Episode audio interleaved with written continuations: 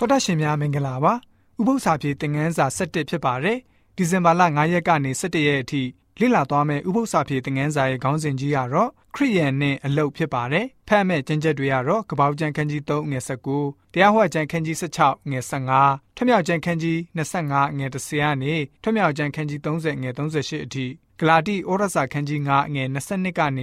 26ဒေသနာကျန်ခန်းကြီး9ငွေ30ကိုရိန္သုဩရစာပထမဆုံးခန်းကြီး 30အငယ်31တို့ဖြစ်ပါတယ်။အဓိကကျမ်းချက်ကိုတော့ကောရိန္သုဩဝါဒစာပထမဆုံးခန်းကြီး15အငယ်58မှာတွေ့နိုင်ပါတယ်။ထို့ကြောင့်ငါချစ်သောညီကိုတို့တင်တို့သည်သခင်ဖျားဤအမှုတော်ကိုဆောင်ရွက်၍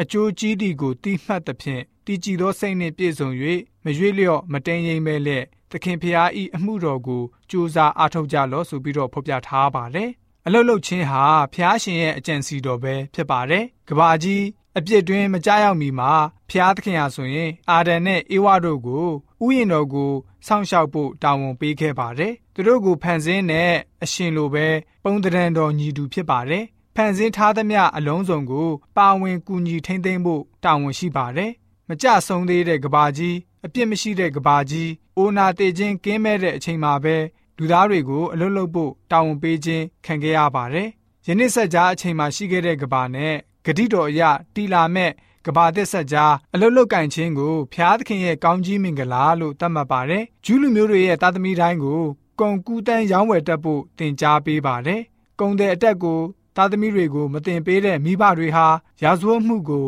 မွေးထုတ်ပေးတယ်လို့အဆိုရှိပါတယ်။ထိုနည်းတူယေရှုရှင်ဟာဖျားသခင်ရဲ့သားတော်ဖြစ်တဲ့အလျောက်ခမဲတော်ရဲ့စကားကိုတသွေမတိန်နာခံပြီးတော့လက်မှုပညာအားဖြင့် နှစ်ပေါင်းများစွာတစ္ဆာရှိရှိအချိန်ကိုအသုံးပြုခဲ့ပါတယ်။နာဇရက်မြို့သူမြို့သားတွေအတွက်ပရိဘောဂတွေ